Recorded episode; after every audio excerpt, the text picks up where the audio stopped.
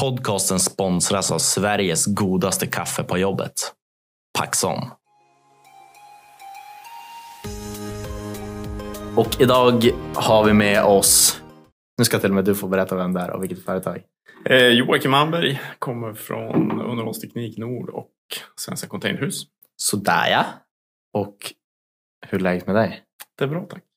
Trevligt att vara här och sitta i din trevliga fina studio. Tack så mycket. Du, du vet att jag har jobbat, jobbat mycket för att det ska bli som det är. Ja, det varit väldigt schysst när du stängde till här. Ja. Eh, är du ofta i inspelningar av olika typer? Intervjuer? eh, artiklar? Intervjuer har man varit men inspelningar med, med liksom video och film, nej inte så ofta. Nej. Har, ni, har ni någon gång haft ett, alltså du har fått vara med i SVT i någon reportage eller något sånt där?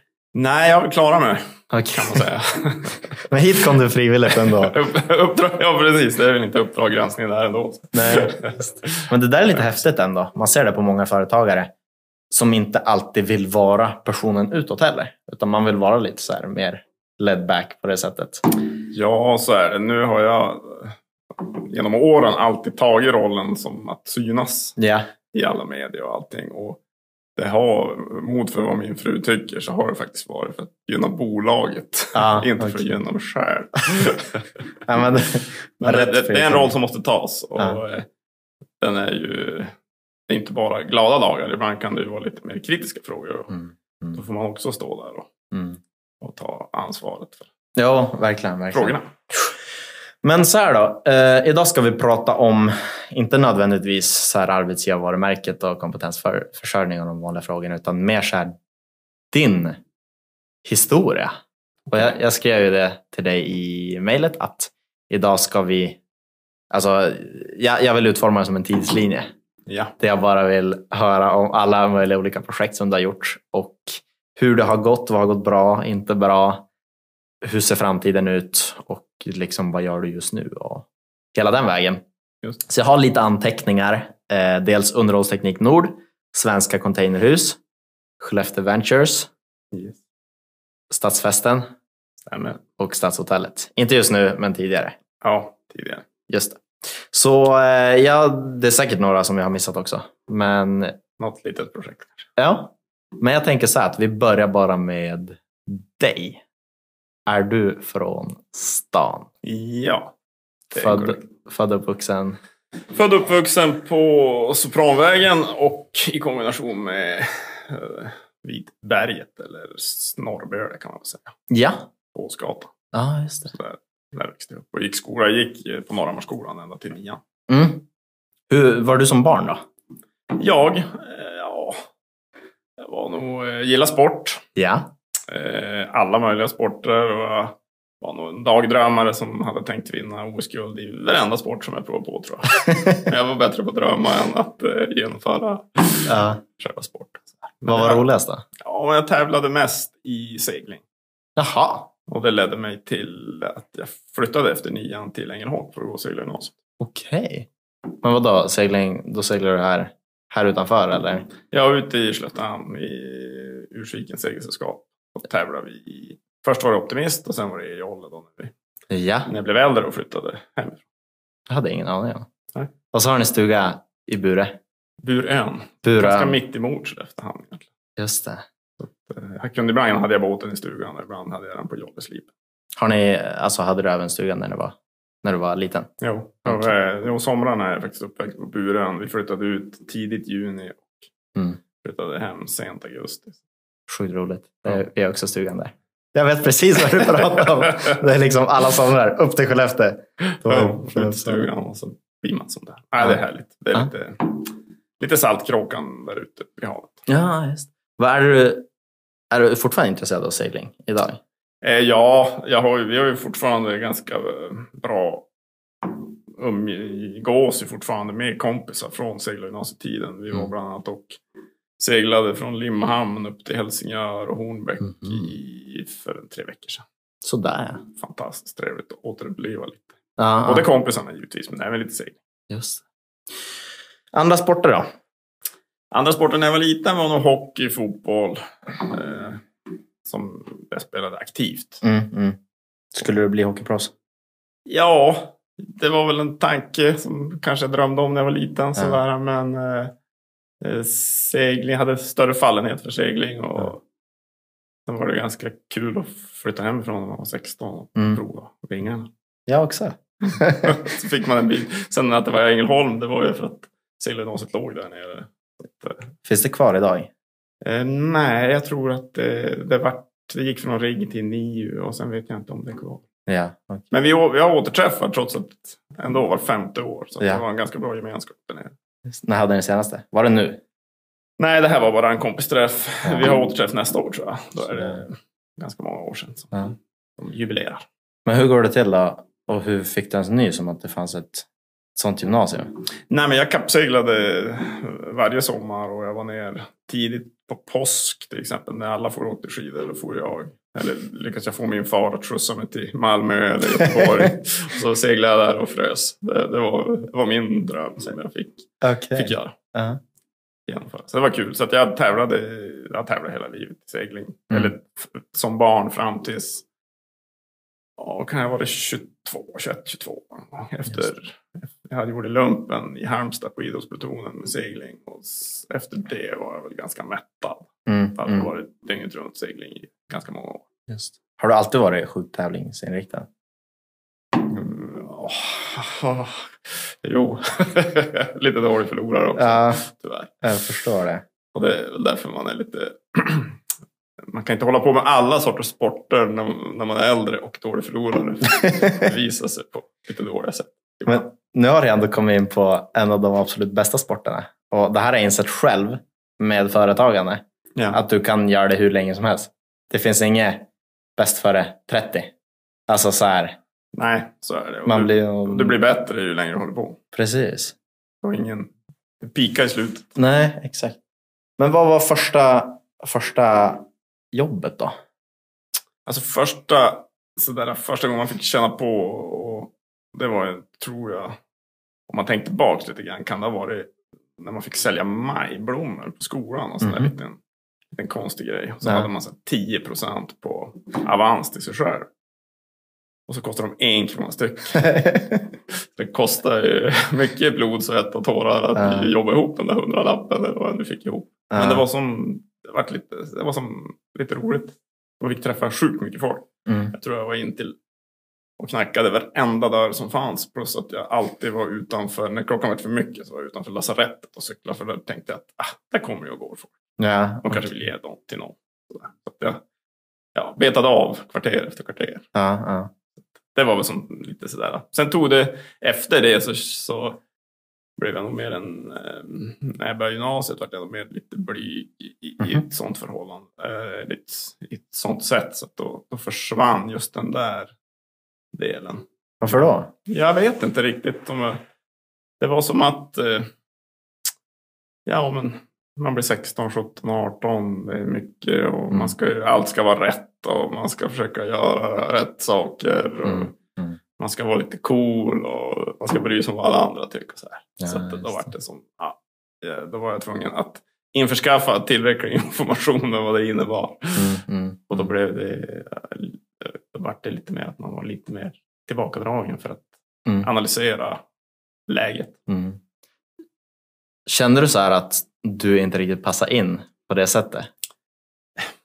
Nej, inte egentligen för jag har alltid försökt, och det har jag fått jättebra nytta av i arbetslivet också, att, att man analyserar situationen innan man går in. Man klampar inte in rakt. Många är jätteduktiga på att klampa rakt in Mm. och liksom ibland blir bra, ibland blir dåligt. Jag försöker alltid, det är klart man misslyckas, men jag försöker Mm. alltid att analysera vars jag kan göra mest nytta eller vars, vars affären finns. Eller Mm. vart, och det, det tror jag att den perioden när jag var lite mer mindre framåt, mindre på gjorde att, och det var ganska många år, då kunde jag etablera det där. Samtidigt höll jag på med kappsegling, vilket var att man tog beslut, det låter lite hårt, liv och död, men man tog beslut som var, var ju helt trash. Ja, just Så man fick lära sig att ta hårda beslut och det krävde mycket analysering. För att hamnar du vid, hade någon situation i Jugoslavien, man var 18 år, helt ensam på havet, boran kom ner för Alperna och hela fältet bara välte upp och ner. Aha. Och då var man ju tvungen, fatta en del beslut Ja. för sig själv. För, och då, var, då kändes det som på liv och död. Givetvis hade man flytväst så det hade säkert gått bra ändå. Mm. Men jag tror att det har man fått med sig. Analysera och ta beslut. Mm. Mm. Och, mm, baserat på det man tror på. Det Just tror jag jag fick med mig mest från den perioden. Ja. Och så har du lite... Är det den pappa som var företagsam också? Jo, det kom förstås från en företagare eller en entreprenörsfamilj kan man väl säga. Min far drev bland annat plastkarosser här i stan innan han blev då egen. Mm. Eller de var tre stycken som blev konsulter och for runt och utvecklade bolag i Norr och Västerbotten. Just det. Så att eh, man, på så sätt är man ju uppväxt med, med, med den andan. Mm. Farsan kunde vara hemma och sova på lunchen men kanske borta i tre veckor. Så det, var, det var liksom... Det var, och det, mina barn har väl också... Jag har väl bestämt mig för att jag tog ett beslut ganska tidigt mentalt att när jag ska få barn att jag ska, jag ska inte flytta, jobba i Stockholm utan jag ska försöka verkligen att jobba lokalt. Så man kan Mm, sova hemma. Mm. Mm. Sen om man sov någon natt borta spelar ingen roll. Men Nej. det är liksom att man, att man får vara med. Mm. Vad, det, vad har du lärt dig absolut mest från far din? Ja, men att det var, när, det, när jag började mitt eget företag så började jag med restaurang. Mm. Och min far var ju inom industri. Så det var ju det var väl ungefär så långt från industri man kan komma Mm. restaurang. Och det fick man ju höra av farsan. Så det var ju som en rebell eh, rebellbeteende fast det var ju det man kunde eftersom man jobbat med det givetvis. Men, men det var som tvärt emot hans, hans ideologier. Så att, eh, det är ju, men man kunde ändå ta med sig eh, ja, men hur man läser en resultatrapport, eh, omsätt pengarna innan du betalar räkningarna. Så man tog med sig de här grundläggande företags... Mm. Mm. Eh, mår företaget bra så mår du bra som företagare. Mm. Går företaget dåligt, eller börjar du ha bra lön och företaget går dåligt, då, går, då blir det kajko. Mm. Mm. Ja, jag förstår. Sådana där äh, enkla fick man med sig direkt. Ja. Och de är guld värda. Det är många som gör tvärtom. Mm. Mm. Jo, jo, det kan jag tänka mig. Vad, när tog du liksom första initiativet till att driva eget? Det var nog... Jag spelade innebandy med Stig-Arne Bäckman, en gammal legend. på eh, Och eh, vi pratade efter, eh, efter en träning och så sa han du Jocke, du som färdig så jobbar ganska mycket inom restaurang. Och när jag kom hem från Ängelholm, eller egentligen när jag kom hem från Halmstad och började jag jobba inom restaurang samtidigt som jag utbildade mig. Och jag sa att du skulle komma med på det här. Och så fick jag med min far och så flög vi ner till Stockholm och så gick på Wallmans salonger. Han är bra på att övertyga? Stig? Ja, det är han absolut. Men Wallmans salonger var bra på att övertyga. Okej. Så då, eh, i och med den resan och så gjorde vi en, var vi med på en satsning där både jag och min far faktiskt. Och så eh, startade vi Kulturkrogen. Det Okej. var ganska tidigt. 95, jag var ganska ung. Eh, det fanns, det var en, den ligger där eh, VSP ligger nu, det här eh, Mm. vid järnvägsstationen. Mm. Där blodpuddingshuset eller vad man nu kallar det. Och det, det var ju bara en tom lokal, en vindsvåning. Mm. Så att jag fick börja en månad innan vi skulle börja bygga. Det fick jag börja skruva gips i taket under så att göra det till en brandcell. Tre lager. Okej. jag Skruva i taket. en hel månad, helt själv. Det ska göras också. Hade ganska ont i nacken. Men jag var ju ung så det gick ju bra. Jag tror Ja. så sen så kom ju snickarna dit och då hade ju alla andra delägare, Stigge och fastighetsägarna, de hade ju annat för sig. Så att då fick jag uh, vara byggherre. Så mitt första egna jobb eller jag som delägare vart jag också byggherre. Mm. Och jag fick lära mig tidigt av, av Hedlund, fastighetsägaren, att be dem om två alternativ. Och så sen frågar du vilket som är billigast och så säger du, då tar vi det. Smart. Så då kunde jag vara byggherre och svara på snickarnas frågor. Ska Ja. vi dra gå där? Ska vi gå där? Ja, vad är skillnaden? Fick de Ja. berätta. Och vad, vad kostar mer? Och så körde jag på det. Skit i devisen. fördelar. Ja, just det. Jag Va- kunde inte så mycket om byggnationer. Nej. Vad... eh, Hur gammal var du då? 25 tror jag. Sådär ja. Tidigt ändå. Mm, och då byggde vi krog. Första krogen som jag byggde från scratch. Hur gick Ja. det med det projektet? Ja, alltså det var ju det häftigaste projektet kanske som var i Skellefteå, eller ja, inom restaurang. Vi, eh, vi byggde en krog, jag anställde allt utom artisterna egentligen. Jag anställde Mm. min egen chef, det är lite annorlunda. Mm. Och så byggde vi ett kök. eh, Vi omsatte väl nästan, tror jag, 12 miljoner på de första åtta månaderna. Så det Mhm. var ju succé. Sådär. Men det var lite, det var lite för höga omkostnader i och med Mm. löner och artister. Och 12 artister på scen. Så. Två år hade det. ja, just Men ändå sjukt bra erfarenhet. Ja, det är världens bästa företagsskola. Då fick man först veta hur man gör när det går bra. Och sen Mm. så fick man lära sig och att hantera. Och när vi upptäckte, räkna och se att det här kommer inte att gå. Då, när det inte fanns riktigt respons för att förändra, då Nej. klev vi av. projektet. Okej. Och så startade jag och Niklas och Patrik.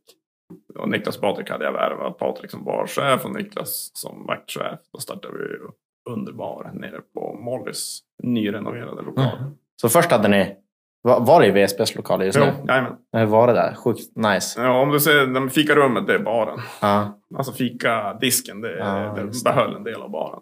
Hade ni övervåningen där uppe också? Loft? Loftvåningen? ja, det var den ja. Eller ja, det beror på hur stor, vilken, vad du menar. Inte glas, inte den här lilla glasvinden, men det stora loftvåningen. Det var där alla var. Vi rymde Ah, väl okej. 300 sittande matgäster. Vad var det som var så speciellt med service restaurangbranschen? Ja men det är ju roligt och så får du... Eh, du träffar ju folk. Mm. Alltså, du träffar ju, är det unga kvällar om man var ung själv, ja då träffar man sina kompisar där. Och du träffar alltid människor. Visst, det var ju någon som var förfriskad och någon var ju otrevlig. Men, Mm. men i stora, personalen som jobbar inom restaurang. Eh, det är ju det man kanske saknar mest efter alla år inom restaurang. Så Mhm. De hade ju, det var ju roligt gäng alltid. Hur skulle du beskriva dem då? Ja men det var, alla hade varsin historia och ville gärna berätta den. Och vi, hade, så att ofta när vi, när vi startade sen, eh, tror jag det var 97, när vi startade Underbar då, som det hette i Mollys. Då gjorde vi så att efter varje kväll så hade vi alltid lite mat. Och så fick vi, ja, men gick vi igenom kvällen om det hade hänt något Mm. och sådär. Och skojade lite över någon som lite personal som hade gjort några tokigheter och lite gäster som kanske hade gjort några tokigheter. Och, Mm. Mm. så att man, eh, men det var, ja, personalen var den styrkan i en restaurang. Mm. Om personalen har roligt, då blir det roligt att gå på krogen. Jo, just personalen tråkigt, då vill man inte vara där. Det kanske stämmer. Ja, Det är så här undermedvetet. ja men en sur servitör eller Ja. servitris, det är inte så roligt. Det älskar jag på Rustik. Varje gång jag är där. Det borde jag egentligen inte säga. Ja, Och, jag, eh, och man pratar om att de är alltid sjukt glada. ja. Men när jag alltid frågar om chips, då bjuder de på chips. Jag älskar, oj, oj. Jag älskar chips och öl. De har lärt sig. Ja, men de har liksom fattat att, och nu har jag fattat också att jag, jag kan få chips där. Ja. Men det- och, och de ger dig chips för köper du en öl till. Precis. För du blir törstig. Du, du fattar. Okej, men så här. Om, att du, du startar ena projektet Ja. och sen hoppar du direkt över till ett helt nytt projekt. Ja, på den tiden eh, då var det ju att man var, då var det lite mer som att varje projekt ledde till ett nytt projekt. Jaha. Det var inte egentligen att man hoppade över utan det fanns en, det där projektet led mot sitt slut. Eh, vi samlade ihop och så ska vi göra, ja det led mot ett nytt. Under restaurangtiden, alltså från 97 när vi var tre stycken ägare där, då, Mm. då gjorde vi många projekt tillsammans. Och, ja, man har ju några år innan man blir ju lite, man blir lite less på saker. I alla fall jag och vi. Utan Mm. vi vill liksom förnya oss. Så att när vi började nere i källaren och så sen så tog vi över Malmia restaurangen och gjorde Njuta. Och sen så tog vi över Etage och gjorde om det för att få Ja. få lite fart i det. Och när det då, när vi insåg att nu sitter vi på kapacitet, publikkapacitet på liksom Totelikapet och över två, två och ett halvt tusen pers. Mm. Och nattklubbar på väg ner, då insåg att okej, här måste vi hitta, var, var ska vi gå från det här? Och då eh, det var väl lite timing att eh, Svenska Bio hörde av sig och ville bygga det här just det. Filmstaden. Mhm. Så då hade vi en förhandling på ena sidan med de som drev Stads restaurang och nattklubb. Och samtidigt så förhandlade vi med Svenska Bio om att sälja etage och det fick Mm. ju inte komma ut att vi hade båda. Då hade ju priset på andra gått upp. Så det var lite hemligt smakeri på den tiden. Ja, jag fattar. Men varför ville de jobba med er då? Såg de inte bara en, en greedy 25-åring? Vem tänkte du på, på Stad? Ja, Nej men då, det, var, det drevs av, då drevs det av, tror jag, Hotell Storuman. Och de, Mhm. de ville ha kvar hotellet men de ville inte jobba med restaurang. De fick det inte gå ihop på Nattklubb. Det var Ja. för att vi kanske tävlade med dem lite. Var, vi ansåg att vi var ganska duktiga på just det. Ja. Så eh, därför så köpte vi av dem den delen kan man säga. Man har hört mycket gott om Mollys då. Jag, har- Mm. jag har aldrig varit där nu. Jag har bott här i, i fem år. Ja. Jag har väl inte varit aktiv. Jag tror inte att det var öppet så sista året. Precis. Men det har ju ändå varit så här. Alltså man, man umgås ju mycket med andra. Lite äldre Ja. eh, företagare också. Och det är så många som har haft de absolut bästa kvällarna där. Och man har ju hört så här. Förut så var inte Skellefteå superbra. Alltså man, det har inte haft det bästa ryktet på, på det sättet. När vi hade, det kan vi säga, när vi öppnade Underbar, eller när vi skulle ha premiär där, Mm. då det var ju lite svältfött på ställen som serverade alkohol och nattklubb. Det var också väldigt Mm. försiktigt med sånt. Så då, jag alltid gillat att jobba med marknad, så då bestämde för att det ska heta Underbar. Det ligger under en annan bar då givetvis. Ja. Och det var som namnet. Så då började vi bara publicera namnet. Då var det inte Instagram och Facebook. Nu är det lite enklare att trycka ut ett namn. Utan då var det ren fysisk affischering och annonsering i lokaltidningar Mm. och guide. Och, ja, megafon kanske inte fanns då. Men det var bara namnet. Ingenting om vad det stod för. Så, att- och, eh, näst, när det började närma sig premiär, då skrev vi premiärdatum. Vi skrev ändå inte riktigt vad det var. Och det skapade en enorm nyfikenhet i en stad som var svältfödd Mm. på nöjen. Mm. Så eh, det, det vart en jättebra hås när vi då liksom som sista inför gå ut med en hel Ja. sida och berätta att nu kör vi. Det här är nattklubben nummer ett från och med nu. Just det. Och ni hade, då, liksom, då har man ju startdatumet. Tänker att det var sjukt mycket folk där. Ja, Fortsätter det vara folk?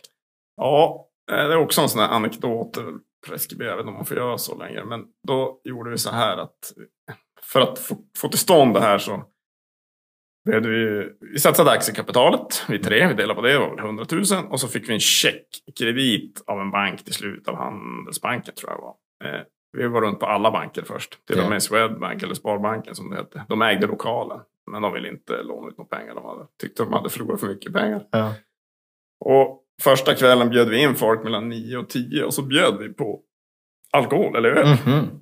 Och det vart ju som ett bra tryck. Eh, och kvällen vart ju också bra. Och det vart ju fullt ös. Och på fredagskvällen när vi satt efteråt och säger eh, Patrik då, som ansvarar för bar och för inköp, att eh, vi är helt slut. Patrik.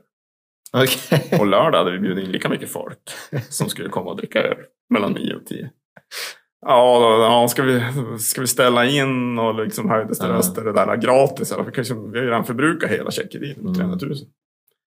Och, men det vägrade jag. Utan då, då lyckades jag övertala Patrik att åka runt.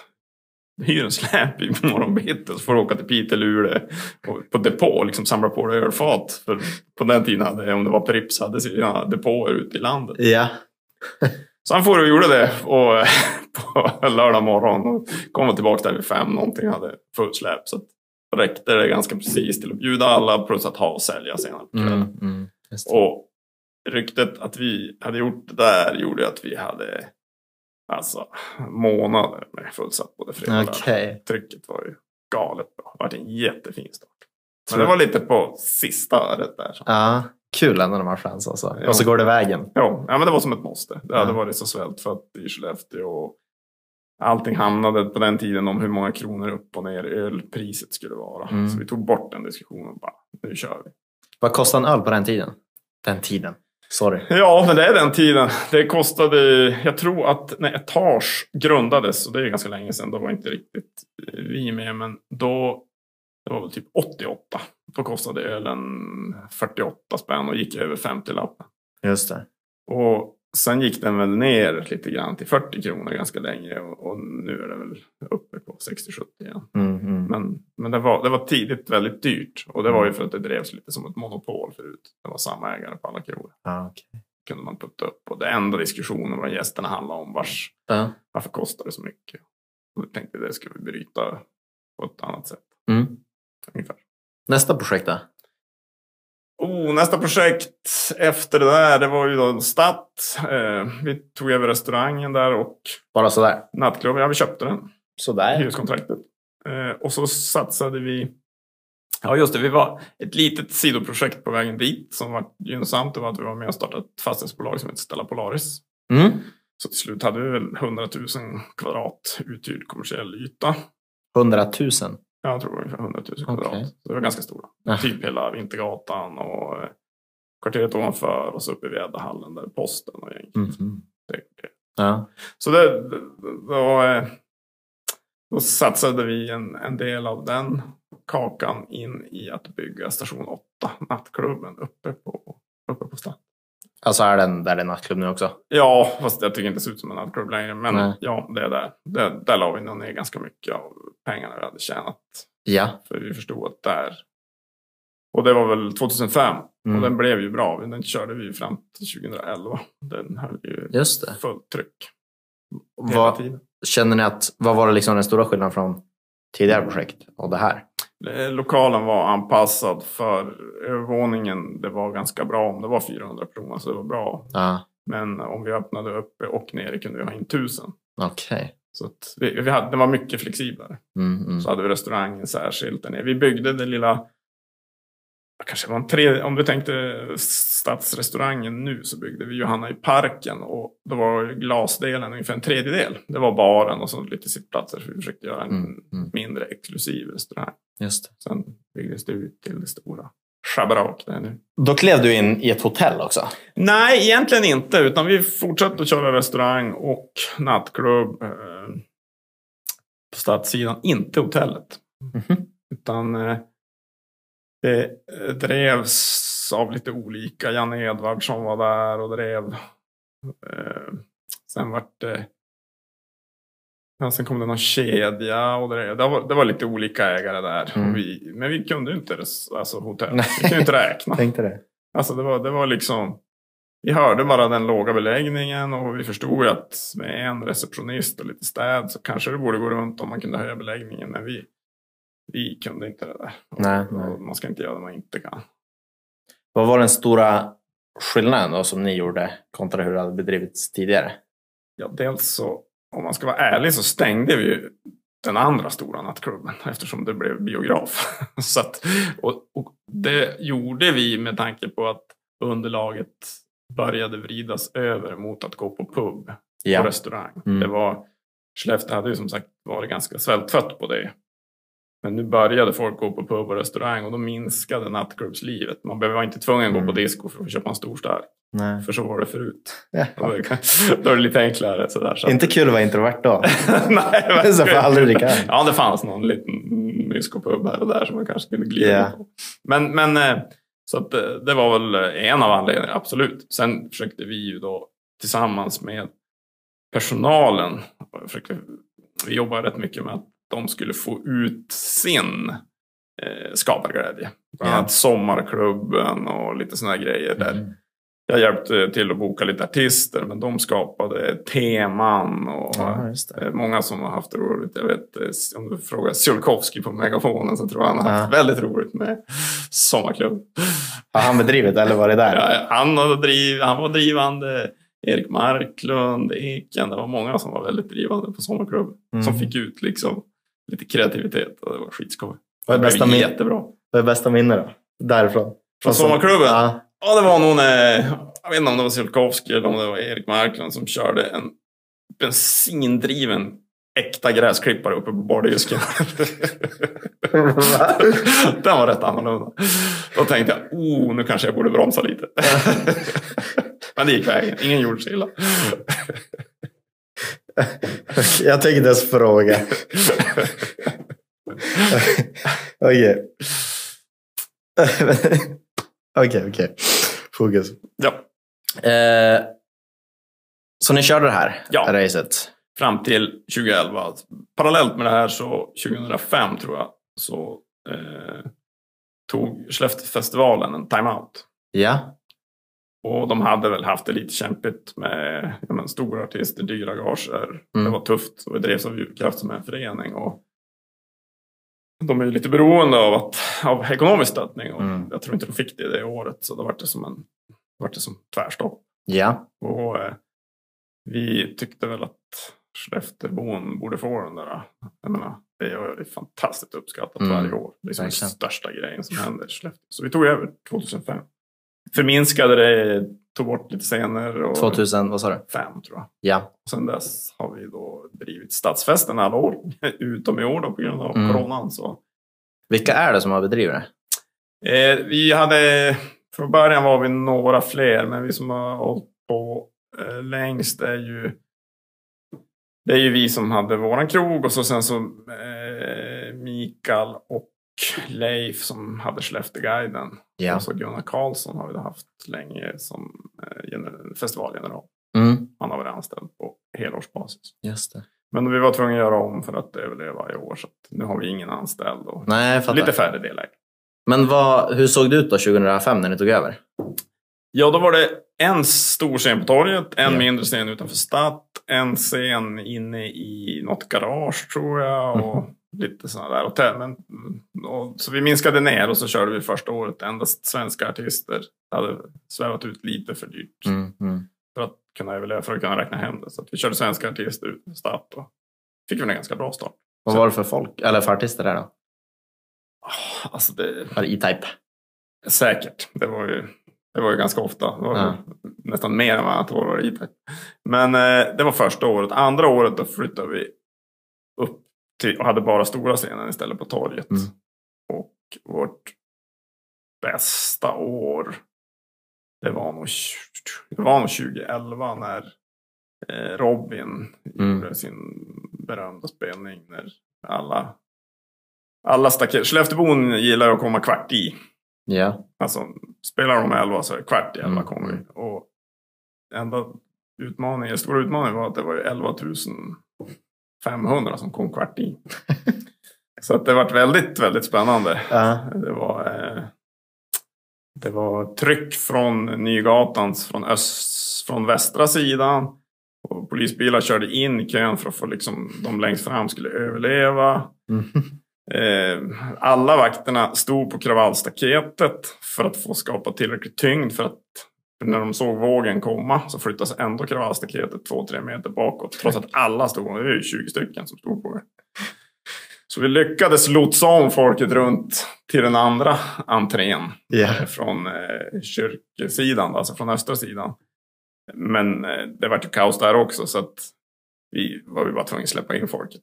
alltså det, fanns, Okej. det fanns ingen chans att hinna blippa några biljetter. Nej. Så några såg Robin gratis men Ja. ingen dog och ingen gjorde sig illa. Nej, det är Så det var saken är. Ni får ju ett litet ansvar också. Jättestort ansvar. Ja. Genom året, så vi har en säkerhetsplan som vi utarbetar genom alla år som Ja, som sträcker sig från, från Mm. det lilla till liksom det stora världsliga. Mm. Hur har det förändrats då? Alltså, var det lika strikt i början? Absolut inte. Nej. Absolut inte. Och under, vi kan ju bara uttala oss under våran tid, men, men eh, vi har alltid jobbat med eh, säkerheten runt scenen. Mm. Men nu har det ju, senaste åren har det ju sträckt sig till säkerhet runt område. Och Mm. jag menar, det som hände i Stockholm en lastbil som körde in i publikhav, det vill vi inte vara med om. Så det säkrar vi bort. Och, vi jobbar med saker som, som kanske inte syns. Men, Nej. men vi, vi, vi går alltid längre än, än det behövliga. Nej, men som när man snackar med Sabina Consulting, Ja. Alltså Jonsson. Hon är alltid så här.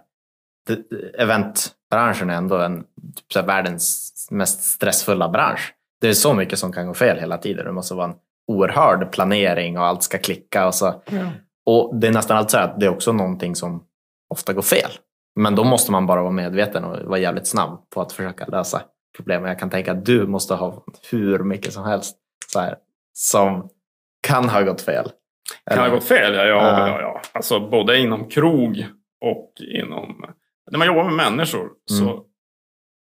Kan man... Alltså det, det kan alltid det mänskliga. Man gör misstag själv och Mm. någon annan människa kanske inte hinner i tid till jobbet som hade en avgörande roll. Eller Mm, mm. eh, glömt bort vad jag egentligen ska göra. Eller bli, som, stå som scenvakt och börja titta på artisterna istället för att yeah, kolla så ingen gör sig illa i publiken. Nej, just det. Det, det är mycket som händer och eh, genom åren och eh, mycket beroende på Gunnars noggrannhet så har man ju, eller har vi som byggt bort det där, många av problemen. Men det händer ju grejer varje gång. Mm, Det var ju eh, senaste riktigt stora artisten som vi hade här var ju Rita Ora. Mm. Och klockan två på kvällen hon skulle spela. Då ringde managementet och sa att eh, de vill ha, om det var Dior, vill ha henne på en eh, modvisning nu i Paris. Så kan vi flytta spelningen? Och det, det var ju inte aktuellt. Nej, nej. Eh, för det var, ju, det var ju lördag klockan två. Och så, så ja men okej, hon blir lite sen. Mm. Så när hon, om jag minns helt rätt, när hon skulle ha gått på scenen ordinarie tid. Då landade hon på Falmark med sitt privatjet. Sådär ja. Och de körde henne förbi loger och allting bara rätt upp på scenen. Och så gav hon en riktigt bra konsert. Jo, jo, det var ju där. Ja. Minns, ja, hon var ju ett par, Hon ett par minuter sen. precis, alltså hon landade ungefär när starttid. så att det var en, Ja. så de så, sådana saker, resor, artister, Mm. det är ju väldigt så mycket som kan hända. Är det du som har artistrollen? Nej, det är Gunnar som har bokat artisterna och sen har vi en tjej som heter Anna Palm som har som tar hand om resor och alltså inte kontrakten. Och Logistiken. Sånt. Ja, logistiken och är där under varje dag och det är liksom, ja men, ser till så de har det bra i logerna Mm. givetvis, men ser till så de blir hämtade, skjutsar dem ofta personligen till scenen när vi Mhm. hade scenen på torget och bodde på Statt och lite sådana där grejer. Ehm, Men det finns ju många. En, rolig, en av de roligaste anekdoterna när vi, hade, när vi var nere på Underbar, då var eh, Iggy Pop på scenen. Och så kom, kom Gunnar efter spelningen. Då hade vi backstagefest där nere. Med, och då hade vi alltid lite band och sådär. Och så Mm. hade vi musik. Och så, för artisten hade vi gjort i ordning. Då kom han och sa Iggy Pop vill gå på backstagefest. Tänkte, ja, stänga av du vet Ja. halva lokalen. Ja, då gjorde vi det. Och så sen då hade de, då, då är ju alltså scenen på torget på kortsidan. Underbar låg ju då vid Malmö hotell. Det är Mm. ungefär, kan vara 25 meter kanske. Mm. Då sa ju Pop, jag ska ha limousin. och då började de tänka, hur ska vi få in en, det går inte att köra en limousin. Alltså det, det, det går inte att köra limousinen där, för det var ju stängsel och det var ju. Och det går inte, sa jag. Ja, men då skiter jag i det. Ja, då kom han och sa det blev inget. Nej, nej, fast det var ju tråkigt. Det var lite häftigt. Ja. Och så går det en halvtimme till. Nej, han har ändrat sig. Han ska på efterfest. Ja, jag vill låna alla vakterna. För han sa det. Jag sa det åt honom. Om vi slår en järnring runt dig med människor. Och så går du i mitten tills vi kom till liksom krogen. Funkar det? Ja, sa han. Om någon pratar med mig eller skriker på mig när vi går dit. Då avbryter vi och så vill jag tillbaka till hotellet. Ego. Så gick, gick de liksom en järnring, tömde entréerna, tömde trappen. Så att jag står där nere och tänker nu ska vi se hur det här, vad det här ska bli. Då kommer han, springer han in. Och så spelar de, vet jag, Funk Soul Brother. Springer in, slänger av sig t-shirten mot en stol och ut på dansgolvet och dansar med alla andra gästerna. då var han safe. Så då var det bara att öppna upp. Han ville inte sitta själv. Han var ju helt ointresserad av det. Ja. Han ville vara med de andra, men, men inne på stället. Så att eh, ja, Iggy Pop. Sjukt roligt. Du såg det också? Jajamän, jag var där och jobbade. Det var ganska fräckt. roligt. Jo, och sen det här då med svenska containerhus. Ja, eh, efter eh, krog av, vi slutade 2011 när Hilding köpte hotellet. Då köpte vi faktiskt in oss i hotellet och ägde en del Ja. för att skapa en marknadsbit för att kunna sälja helhetskonceptet. Då ägde vi hotellet ett litet tag, tag. Typ en månad. Typ en månad, Okej. en förhandlingsmånad. Ja. så att vi, så sålde vi av det där. Eh, och sen så frilansade lite grann som konsult. Mhm. Inom... Ja, restaurang lite grann. Jag hjälpte till när, det- när Kallholmen, ja, eller Skellefteå bryggeri som det heter nu, då startade upp och lanserade deras öl. Sen var jag även nere på Ängelen och hjälpte till i Stockholm som restaurangkonsult. Och så hann jag med att starta ett utbildningsföretag i Norrland. Mm. Lexikon affärsutbildningar. Som jag höll på med i två, tre år. Vad var det för något? Eh, vi sålde affärsutbildningar i form av ledarskap, försäljning, liknande. Och Lexikon är Sveriges största privata utbildningsföretag. Och då fanns det inget liknande eller? Inte lika mycket ja, som det idag. var, vi konkurrerade med dem ifrån Piteå, vad de nu hette. De finns ju kvar. Vi körde två år, jag och en kollega, och sen gick han vidare och då Ja. avbröt, vi, avbröt vi det där. Och 2015 kan det väl ha varit då. Eh, kom en, vi satt, jag satt, såg min son träna hockey. Och då var det en annan kille, Peter hette han, Eriksson, som också hade en grabb i hockeylaget Mm. som sa att du är inte från restaurangdelen. Mm. Jo, jo, jo. Ja, men jag har, jag håller på att bygga en restaurangcontainer med öppningsbara sidor. Och, men, men, men jag behövde din hjälp. Kan du komma och kolla? Lite på den vägen så gick jag då med i det där. Vilken idé. Jo, och så sa jag, det, jag sa det till dem att Svenska Containerhus har ni döpt företaget till. Det tyder ju på att ni har mer tankar än restaurang. Mm. Jo, jo, jo. Och så kom ju flyktingkrisen och bostäder, bostäder skulle fram. Så vi jobbade rätt hårt, byggde några prototyper. Mm. Eh, Fick ett bygglov eh, borta vid baseballplanen. Mellan baseballplanen och fotbollsplanen på Alimak där. För jag tror det var 27 lägenheter eller något sånt där. Mhm. Och vi hade ett kontrakt då hos Migrationsverket Sverige för att, för att på fem år. Mm. Eh, Det var under meningen som underskrift så vi Mm. skulle börja skapa ganska mycket arbetstillfällen och bygga om containrar till bo bostäder. Eh, på gott och ont så, tog ju, så bromsade man ner.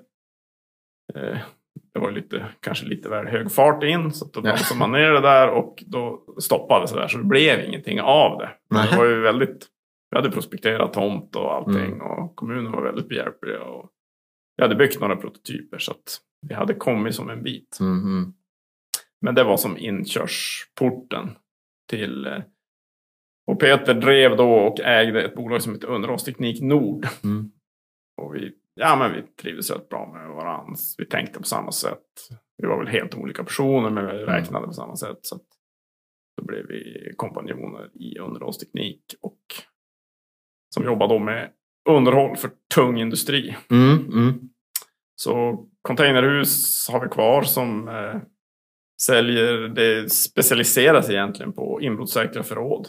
Med Jaha. eller utan värme och belysning. Alltså, om du som snickare Mm. vill låsa in dina verktyg och ladda dem samtidigt på natten så du skulle inte behöva ta dem till bilen eller till någon liten barack som det blir en brott på. Nej, just det. Containrarna klarar sig oftast. Är det byggföretag som är era kunder då eller? Byggföretag, el, el, elföretag är ganska bygga. Sen kan det vara privatpersoner som vill ha en isolerad förråd som kanske stugan eller eh, förvara möbler. Eller, ja, det är, det är ganska stora. Vi har många bilfirmor som inte förvara däck i såna, Det är väldigt vanligt. Äger ni dem och så leasar ni ut dem? Eller säljer ni dem? Vi säljer. Okej. Vi, vi säljer. Hur många har du sålt? Vet du det? Oh. Ja, det, det, har, det har blivit några stycken. Och då, då har det varit att du själv måste hitta dem någonstans? Nej, vi, tidigt, tidigt när vi byggde de här containerhusen så skapade vi en eh, kontakt. Vi hade en kille som hette David Persson anställd och han ringde runt och sa åt honom hitta den billigaste och bästa leverantören. Mm.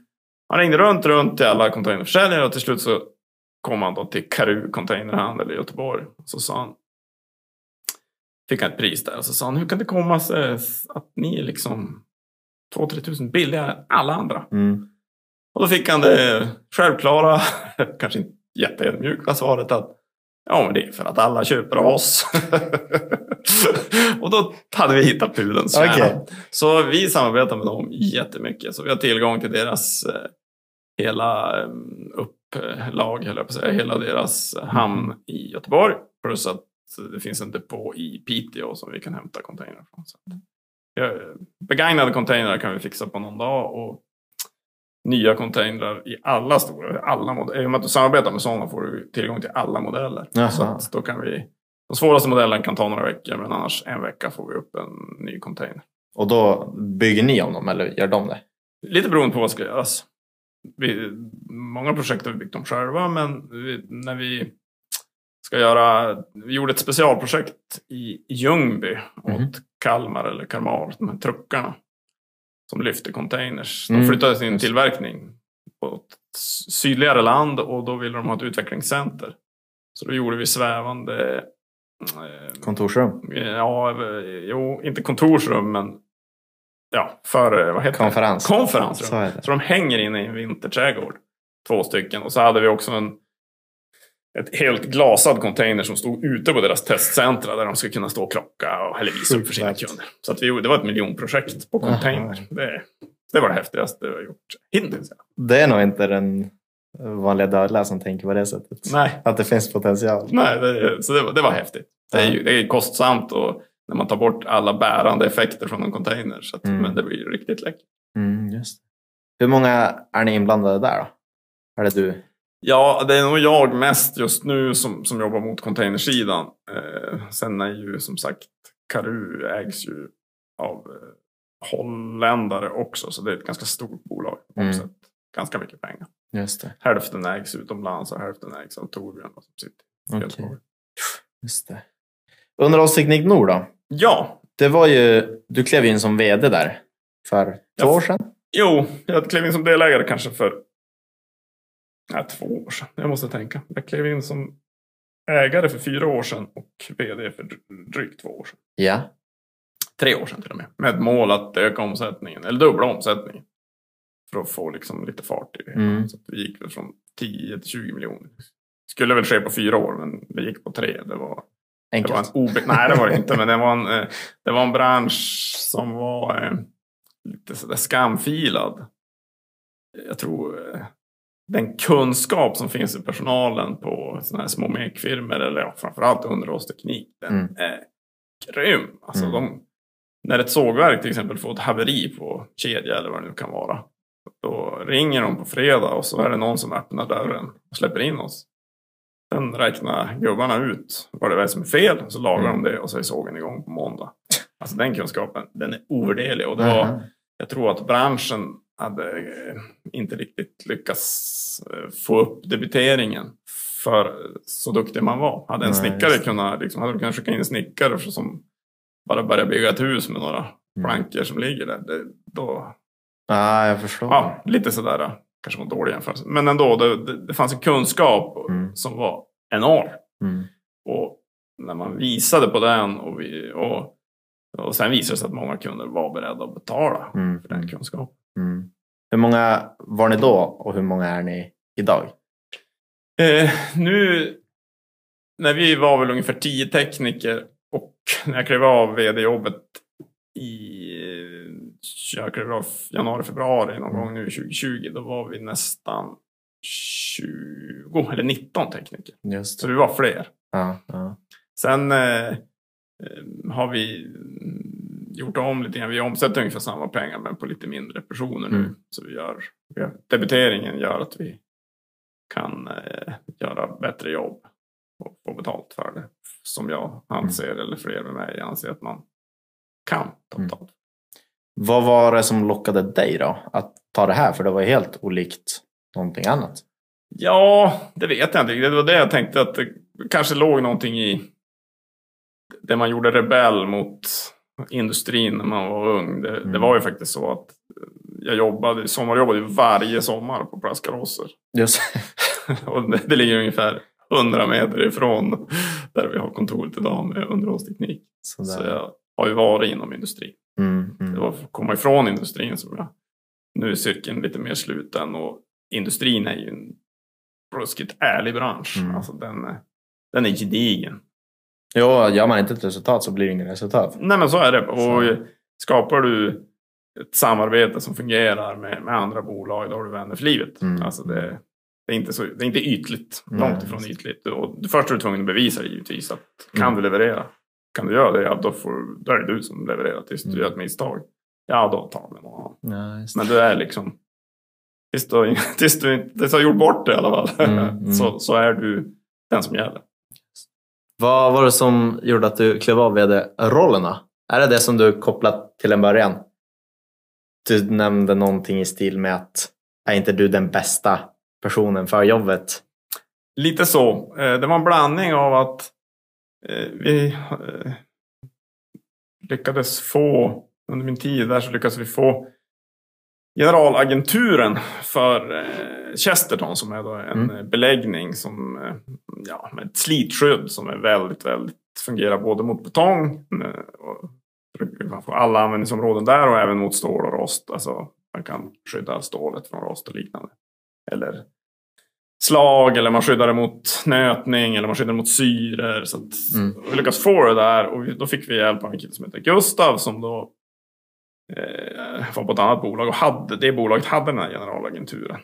Och han skulle lämna det bolaget och det var ingen annan tyckte han eller Chesterton som kunde. Och då, i och med att Gustav och min kollega då, Tobias har jobbat tillsammans förut så hänvisade han till oss. Mm. Och kring nyår, för det här var ju före corona och allting, så, Mm. så eh, fanns det en möjlighet att värva in Gustav i det här bolaget. Och jag såg ju också som Tobias att det fanns en potential att dels få fart i Chesterton mer, Mm. men även i stora projekt. Och eh, jag hade varit där fyra år. Jag hade som nått det mål som var uppsatt då. Mm. Och eh, tänkte, kände att ja, men det, det kan nog vara rätt att, att tar ett nytt steg. Mm. Eh, Så därför så klev jag åt sidan och så jobbar jag bara egentligen med containerförsäljning och, och lite egen konsultverksamhet vid sidan Ja.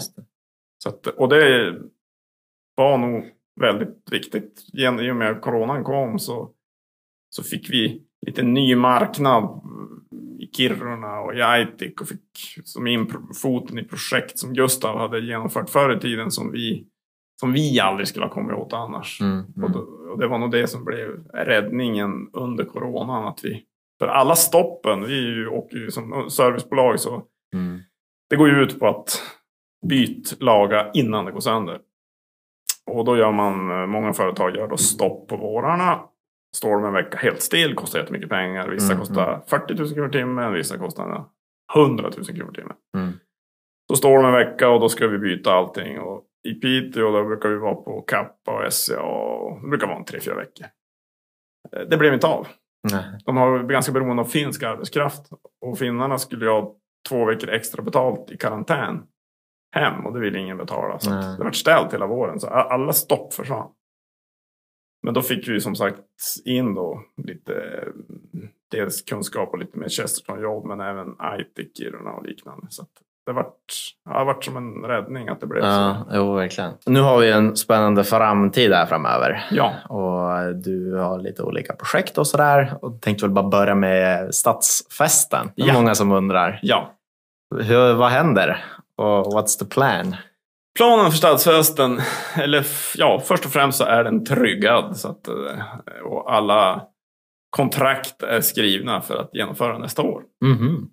Så eh, bara allting flyter på och eh, besökarantalet Mm. förändras, vilket är på gång. Men att det förändras kanske ännu mer lite upp. Men det är ju som sagt ett år bort. Så ser vi Ja, vi ser väldigt fram emot det. Vi tror att det finns ett enormt uppe Mm. behov av att ha roligt. Vi sitter och trycker på att fan, kan det inte bli någon stadsfest snart? Eller? ja, alltså det är liksom, jag tror att Skelleftebon och längtar efter att få komma ut Mm. och träffas Mm, mm, mm. ordentligt. Just. Och annars då? Vad, vad kommer du sysselsätta dig mest med? Ja, jag tror väl att jag är sådär, nu har det gått några år, man har varit i och gjort en sak och det, man tittar givetvis på framtid och vad man ska göra. Och vi har några spännande projekt som ligger i loopen. Det är ingenting som är redo att lanseras, men, men det finns lite små spännande projekt. Det kommer. Annars har du en möjlighet här att pitcha in dig. Ja, ja, ja, ja, ja får komma nästa på. Ja, eller hur? Verkligen. Ja, men du, får jag säga Jocke? Kallas du Jocke? Ja, Okej, förresten. Jocke. Jätteroligt att du ville ställa upp. Det var kul att få prata. Så eh, vi ska se exakt hur, hur och i vilket format det här ska publiceras. Men Ja, ut ska det. Det blir roligt. Supertack! Tack ska du ha.